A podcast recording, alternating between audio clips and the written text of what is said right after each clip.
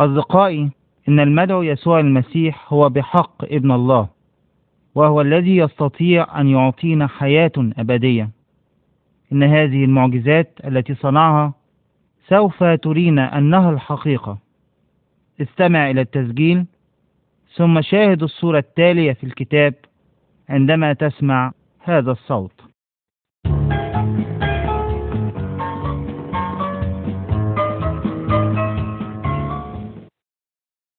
الصورة الأولى ميلاد يسوع.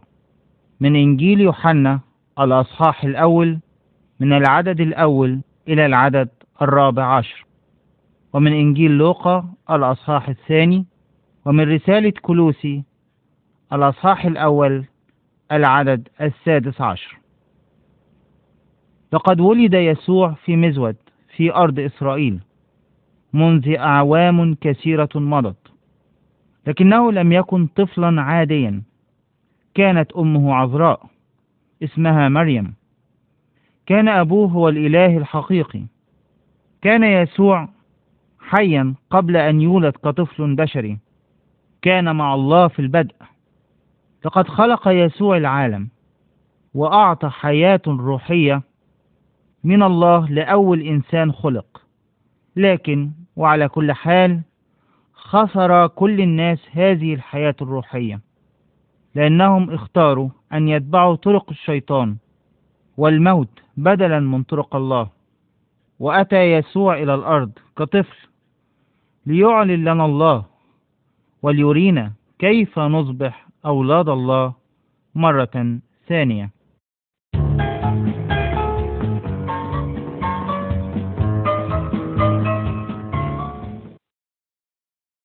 الصورة الثانية. يسوع يحول الماء إلى خمر. من إنجيل يوحنا الأصحاح الثاني من العدد الأول إلى العدد الحادي عشر. كبر يسوع وأصبح رجلا. وذات يوم كان في عرس مع أمه وأصدقائه. وكانت مريم أمه تعرف إنه ابن الله. وعندما فرغ الخمر أخبرته ثم قالت للخدام مهما قال لكم فاعملوه وكانت هناك ستة أجران. فقال يسوع للخدام املأوا الأجران ماء. ففعلوا ذلك. ثم قال لهم الآن خذوا منها واعطوا لصاحب العرس. لقد تحول الماء إلى خمر جيدة. وبدأ أصدقاء يسوع يرون أن لديه قوة عظيمة وآمنوا به.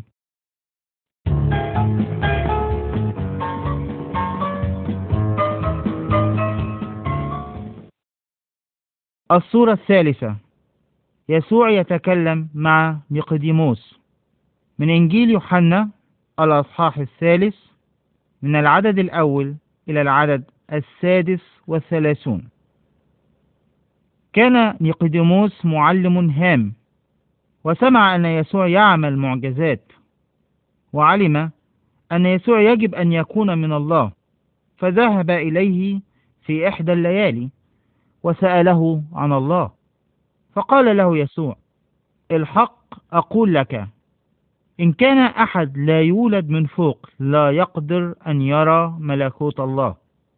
قال له نقديموس كيف يمكن لإنسان أن يولد وهو شيخ؟ وهذا ما قال له يسوع إنه عندما يولد طفل من أمه فأن له حياة جسدية.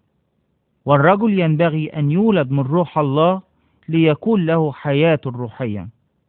كل واحد يؤمن ويطيع يسوع سيولد ثانية وسيعيش للأبد في الروح. ولكن كل من لا يؤمن بيسوع سيكون له موت أبدي.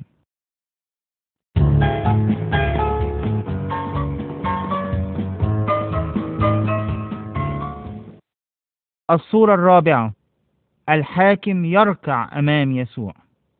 من إنجيل يوحنا على صاح الرابع من العدد السادس والأربعون إلى العدد الرابع والخمسون. ماذا يجب أن تفعل عندما يكون ابنك مريضا جدا؟ إن هذا الرجل مشى مسافة طويلة جدا ليجد يسوع. فقد كان حاكما هاما لكنه ترجى يسوع قائلا يا سيد تعال قبل أن يموت ابني. أما يسوع فقال له اذهب ابنك حي. لقد آمن الرجل بيسوع ومضى إلى بيته وفي الطريق أخبره عبيده أن ابنك حي. لقد شفي الطفل وآمن الرجل وكل عائلته أن يسوع من الله.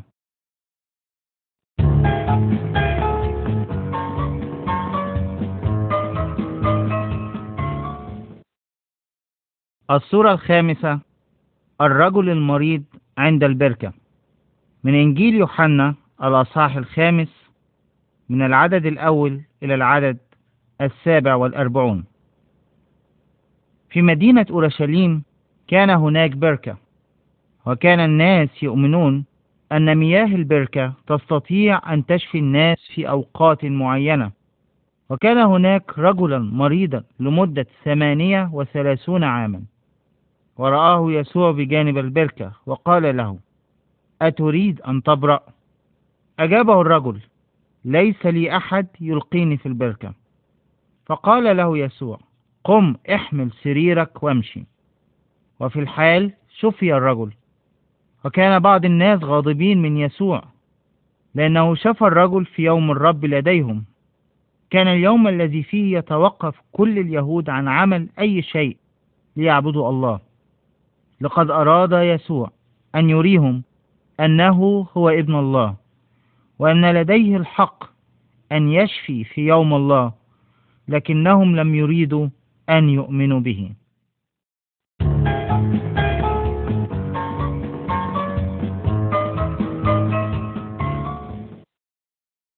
الصورة السادسة.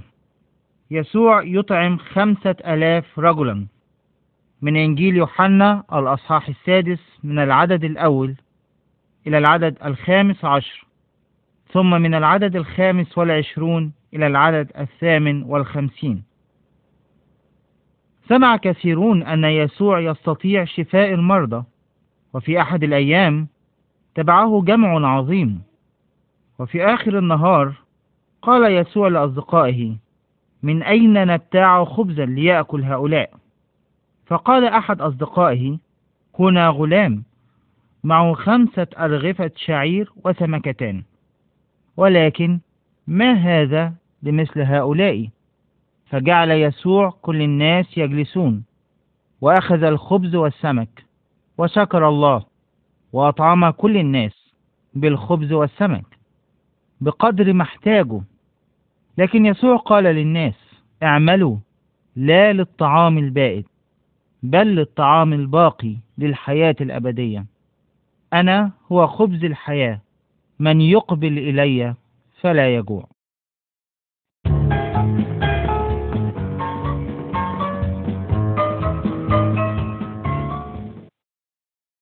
الصورة السابعة. يسوع يمشي على الماء. من إنجيل يوحنا الأصحاح السادس من العدد الخامس عشر إلى العدد الواحد والعشرون. بعدما أطعم يسوع الناس أخبر تلاميذه أن يعودوا إلى بيوتهم. طلب من تلاميذه أن يذهبوا للبيت. بينما ذهب يسوع وحده ليصلي لله. فركب أصدقائه قارب ليعبروا بحيرة كبيرة. وكانت ظلمة وعاصفة عظيمة في البحيرة. وأتى يسوع إليهم ماشيا على الماء حتى ظنوا أنه شبح فكانوا مرتعدين. فقال لهم يسوع أنا هو لا تخافوا. وجاء إلى القارب معهم وفي الحال هدأت العاصفة ورأى أصدقائه ثانية أن يسوع له روح الله.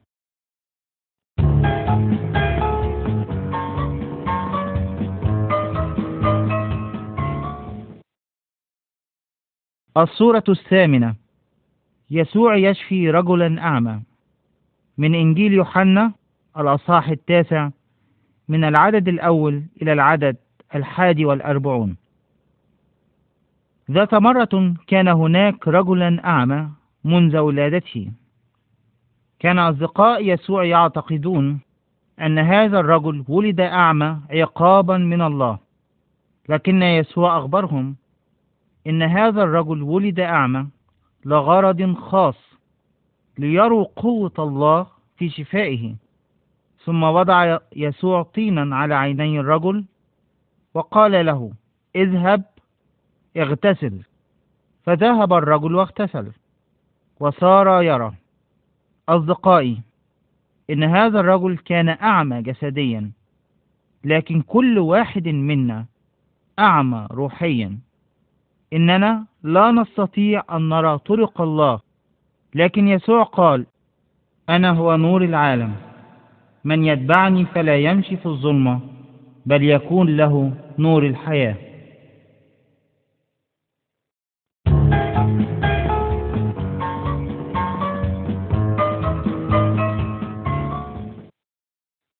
السورة التاسعة يسوع يدعو لعازر من الموت. من إنجيل يوحنا الأصحاح الحادي عشر من العدد الأول إلى العدد السادس والأربعون. يسوع كان يحب لعازر وأختيه مريم ومرسى ثم مرض لعازر لكن يسوع لم يذهب إليه في الحال. وبعد أيام قال يسوع لأصدقائه لعازر قد مات وأنا أفرح لأجلكم إني لم أكن هناك لتؤمنوا. ولكن لنذهب إليه. وعندما جاء يسوع كان لعازر في القبر لمدة أربعة أيام وكانت أختيه في حزن وأسف شديد لأن يسوع لم يأتي ليشفيه. لكن يسوع قال إن أخوكم سيقوم ثانية. ثم طلب من الناس أن يفتحوا القبر. ثم صاح لعازر هلم خارجا. فخرج لعازر خارج القبر وهو مربوط بالأربطة.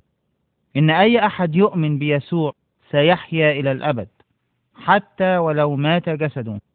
هل تؤمن بهذا؟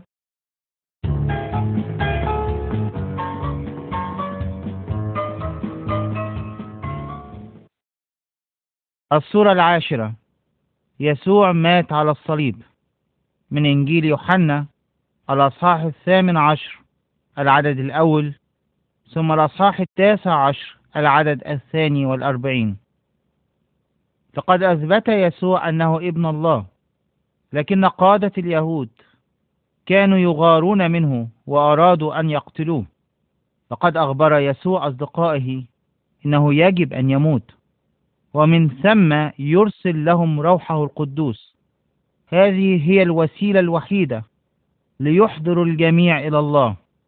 واحد من أتباع يسوع خان يسوع إذ أخذ أموالا من اليهود ليخبرهم أين يسوع.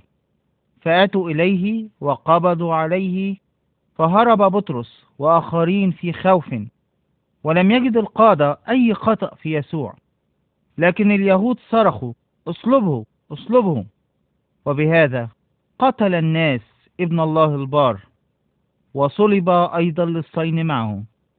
فقد كان يعاقبان من أجل جرائمهما لكن يسوع مات من أجل خطاياك وخطاياي. كان يسوع هو ذبيحة الله الكاملة لأجل خطايانا.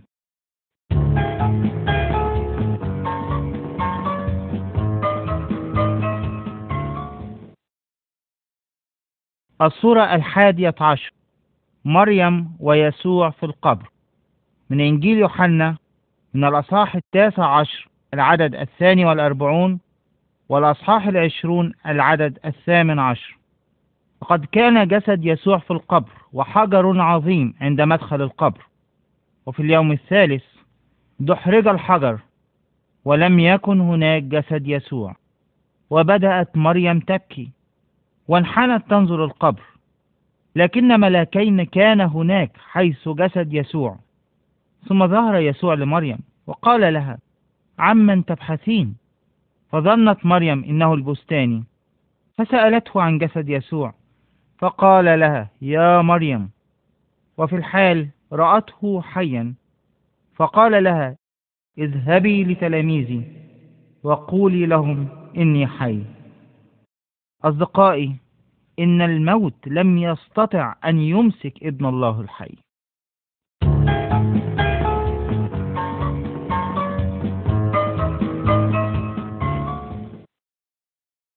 الصورة الثانية عشر.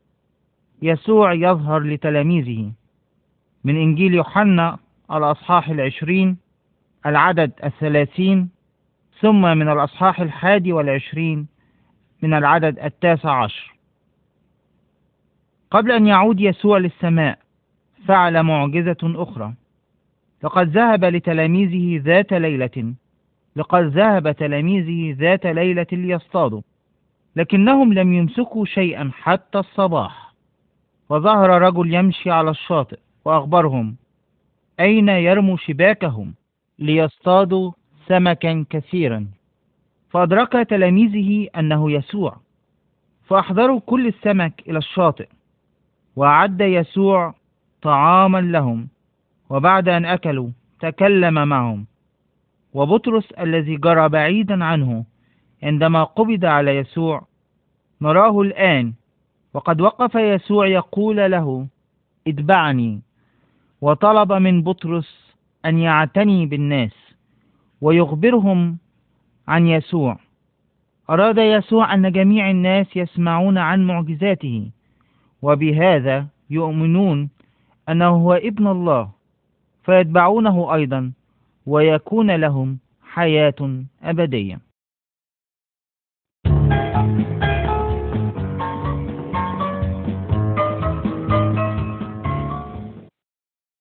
الصورة الثالثة عشر.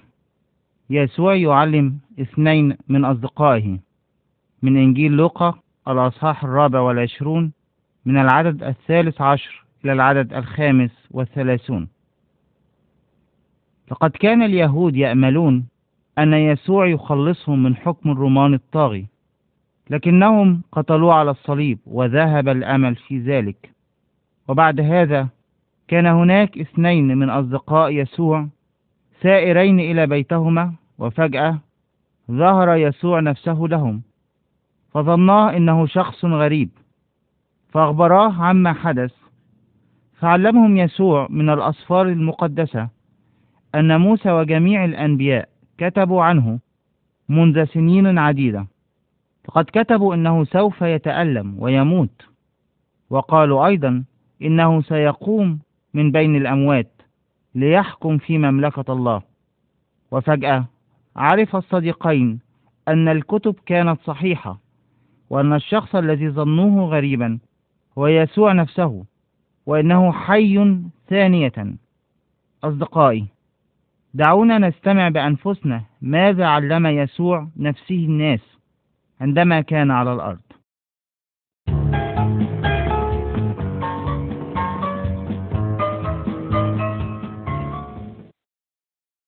الصورة الرابعة عشر. الابن بين الخنازير. من إنجيل لوقا الأصحاح الخامس عشر.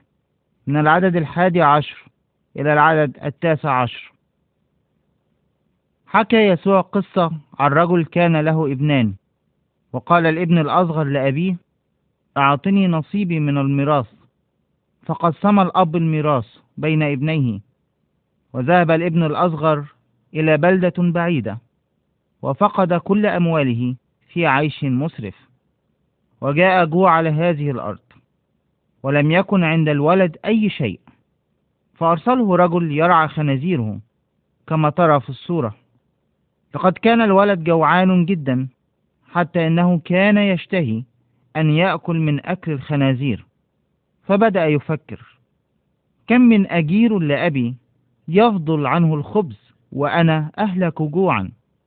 أقوم وأرجع إلى أبي وأقول له يا أبي أخطأت إليك ولست مستحقا بعد أن أدعى لك ابنا اجعلني كأحد أجراك.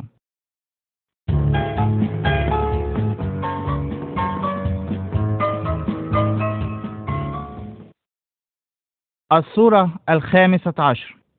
الابن الضال يعود إلى بيته. من إنجيل لوقا الأصحاح الخامس عشر ومن العدد العشرون إلى العدد الثاني والثلاثون. كان الابن عائدا لأبيه وإذ كان لم يزل بعيدا رآه أبوه وركض ووقع على عنقه وقبله وطلب من عبيده أن يلبسوه أفضل الثياب وحذاء في رجليه وأن يقدموا له أفضل الطعام وقال لنأكل. ونفرح لأن ابني هذا كان ميتا فعاش وكان ضالا فوجد.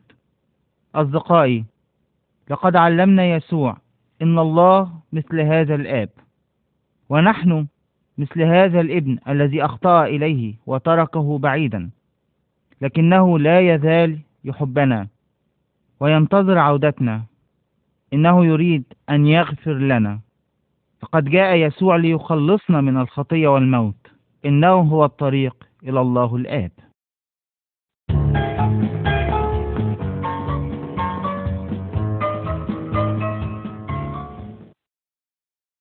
الصورة السادسة عشر.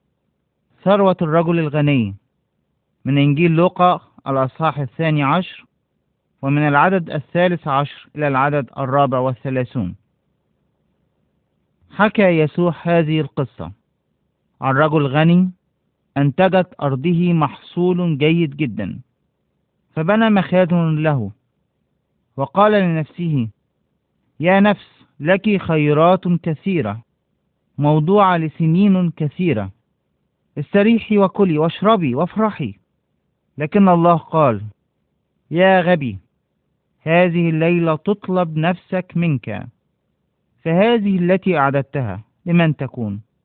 قال يسوع لا تهتموا لحياتكم بما تأكلون ولا للجسد بما تلبسون بل اطلبوا ملكوت الله وهذه كلها تزاد لكم.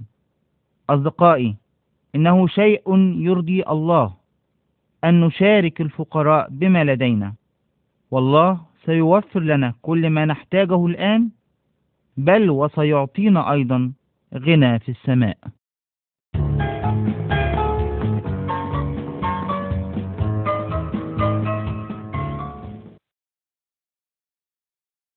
الصورة السابعة عشر. الرجل المسكين والرجل الغني. من إنجيل لوقا الأصحاح السادس عشر من العدد التاسع عشر إلى العدد الحادي والثلاثون. حكى يسوع عن رجل آخر غني يهودي. كان عنده كل ما يريد لكنه لم يكن يهتم بالمسكين الذي كان عند باب بيته. ومات الرجل المسكين وذهب إلى مكان رائع في السماء إلى حضن إبراهيم أب كل اليهود.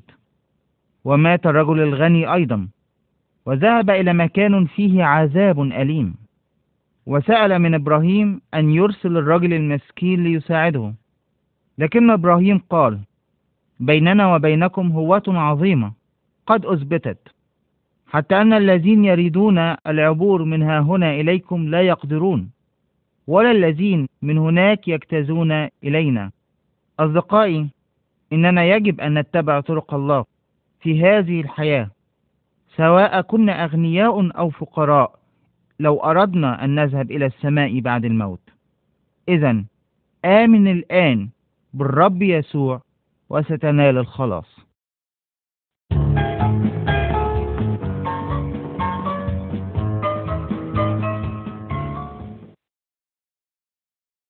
الصورة الثامنة عشر.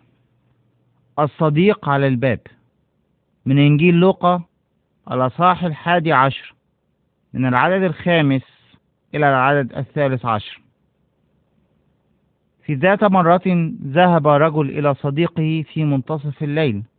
وقال له صديقي اقرضني بعض الخبز لأن مسافرا جاء إلى منزلي وليس عندي طعام له وكان صديقي في المخدع مع أولاده ولم يكن يريد أن يستيقظ.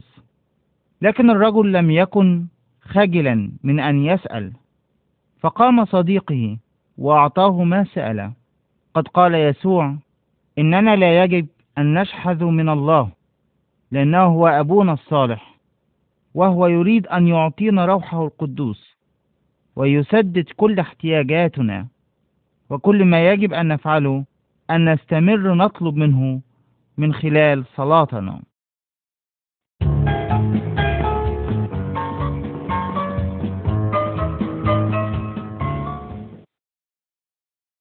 الصورة التاسعة عشر رجلان في بيت الله. من إنجيل لوقا الأصحاح الثامن عشر من العدد التاسع إلى العدد الرابع عشر هل يستمع الله لكل من يأتي إليه بالصلاة؟ إن أحد هذين الرجلين في الصورة كان متدينا جدا ومعجبا بنفسه وقال الله في صلاته إنه أفضل من الآخرين لكن هل تعتقد أن الله كان سعيدا بهذا الرجل؟ أما الرجل الثاني فقد كان جامع ضرائب وقد سرق أموال الناس وكان يعرف أن عليه أن يرضي الله فقرع على صدره وأحنى رأسه في خجل وصلى الله قائلا اللهم ارحمني أنا الخاطئ. قال يسوع إن الله سمع صلاة هذا الرجل وذهب إلى بيته مبررا. لأن الله يقاوم المستكبرين. أما المتضعين فيعطيهم نعمة.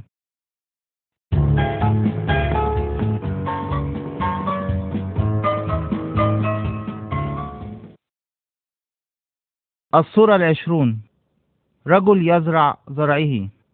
من إنجيل لوقا الأصحاح الثامن ومن العدد الرابع إلى العدد الثامن. علم يسوع أناس كثيرين قائلا خرج الزارع ليزرع زرعه. وفيما هو يزرع سقط بعض على الطريق فانداس وأكلته طيور السماء وسقط آخر على الصخر. فلما نبت جف لأنه لم تكن له رطوبة وسقط آخر وسط الشوك. فنبت معه الشوك وخنقه.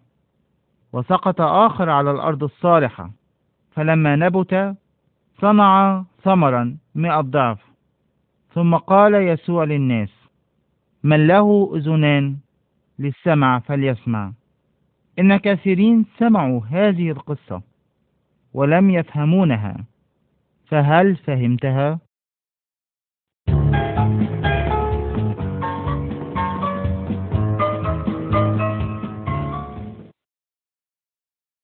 الصورة الواحد والعشرون. الزرع ينمو من إنجيل لوقا الأصحاح الثامن ومن العدد التاسع إلى العدد الخامس عشر. لقد سأل أصدقاء يسوع عن معنى القصة فقال لهم الزرع هو كلام الله والذين على الطريق هم الذين يسمعون ثم يأتي إبليس وينزع الكلمة من قلوبهم لئلا يؤمنوا. فيخلصوا. والذين على الصخر هم الذين متى سمعوا يقبلون الكلمة بفرح. وهؤلاء ليس لهم أصل فيؤمنون إلى حين وفي وقت التجربة يرتدون.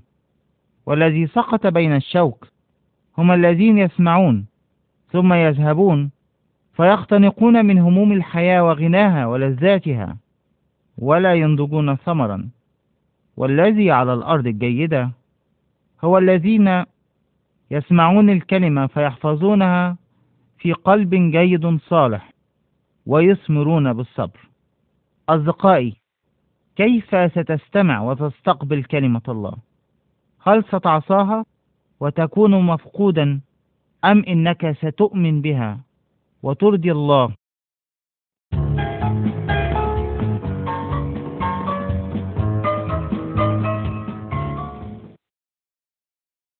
الصورة الثانية والعشرون. مساعدة رجل جريح من إنجيل لوقا الأصحاح العاشر من العدد الخامس والعشرون إلى العدد السابع والثلاثون. كيف يمكن أن نكون متأكدين إننا خلصنا ونلنا حياة أبدية؟ إن الإنجيل يعلمنا إننا يجب أن نحب الله والناس أيضا. لكن من هم الناس الذين يجب أن نحبهم. حكى يسوع قصة عن رجل كان مسافرا في طريقه وحيدا فوقع بين لصوص فتركوه وتركوه بين حي وميت ومر به رجلين متدينين جدا ولم يساعداه.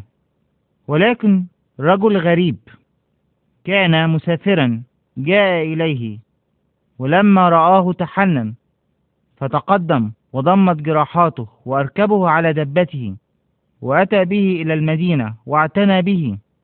أصدقائي علمنا يسوع إننا إن كنا نحب الله يجب أن نظهر الحب لأي شخص محتاج إليه.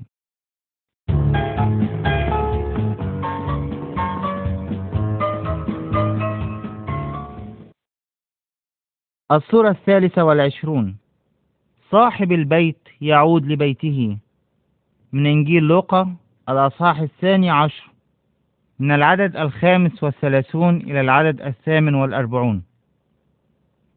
هل تتذكر أن يسوع ظهر مرة أخرى حيا بعد قيامته من القبر؟ وأن كثيرين رأوه قبل أن يصعد إلى السماء. ولقد أخبرهم إنه سيعود ثانية. وقد قال إننا يجب أن نكون مثل العبيد الذين إذا جاء سيدهم يجدهم ساهرين. إننا لا نعلم متى سيعود يسوع ثانية. إننا يجب أن نعمل من أجله ونكون مستعدين وأن نرحب به بمجرد وصوله. ومن ثم سيعد لنا الاحتفال جميعا. إنه سيكون وقت فرح عظيم.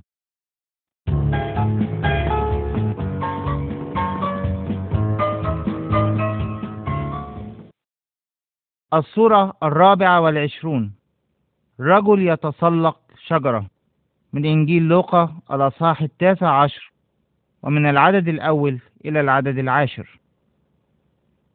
إن يسوع يستطيع أن يخلص أي أحد. استمع إلى هذا. كان زكى جامع ضرائب غني. سرق أموال الآخرين. ولقد أراد أن يرى يسوع. لكنه كان قصيرا جدا وكان الزحام كثيرا. فتسلق زكى شجرة لكي يرى يسوع. وعندما مر يسوع نظر عاليا وقال يا زكى اسرع وانزل لأنه ينبغي أن أمكث اليوم في بيتك. كان الناس في اندهاش لأن زكى لم يكن رجلا صالحا. لكن زكى نزل من الشجرة ورحب بيسوع بسعادة. وقال ليسوع إنه سيترك الشر ويغير طريقه. ويسوع قال اليوم حصل خلاص لهذا البيت لأن يسوع قد جاء لكي يطلب ويخلص ما قد هلك.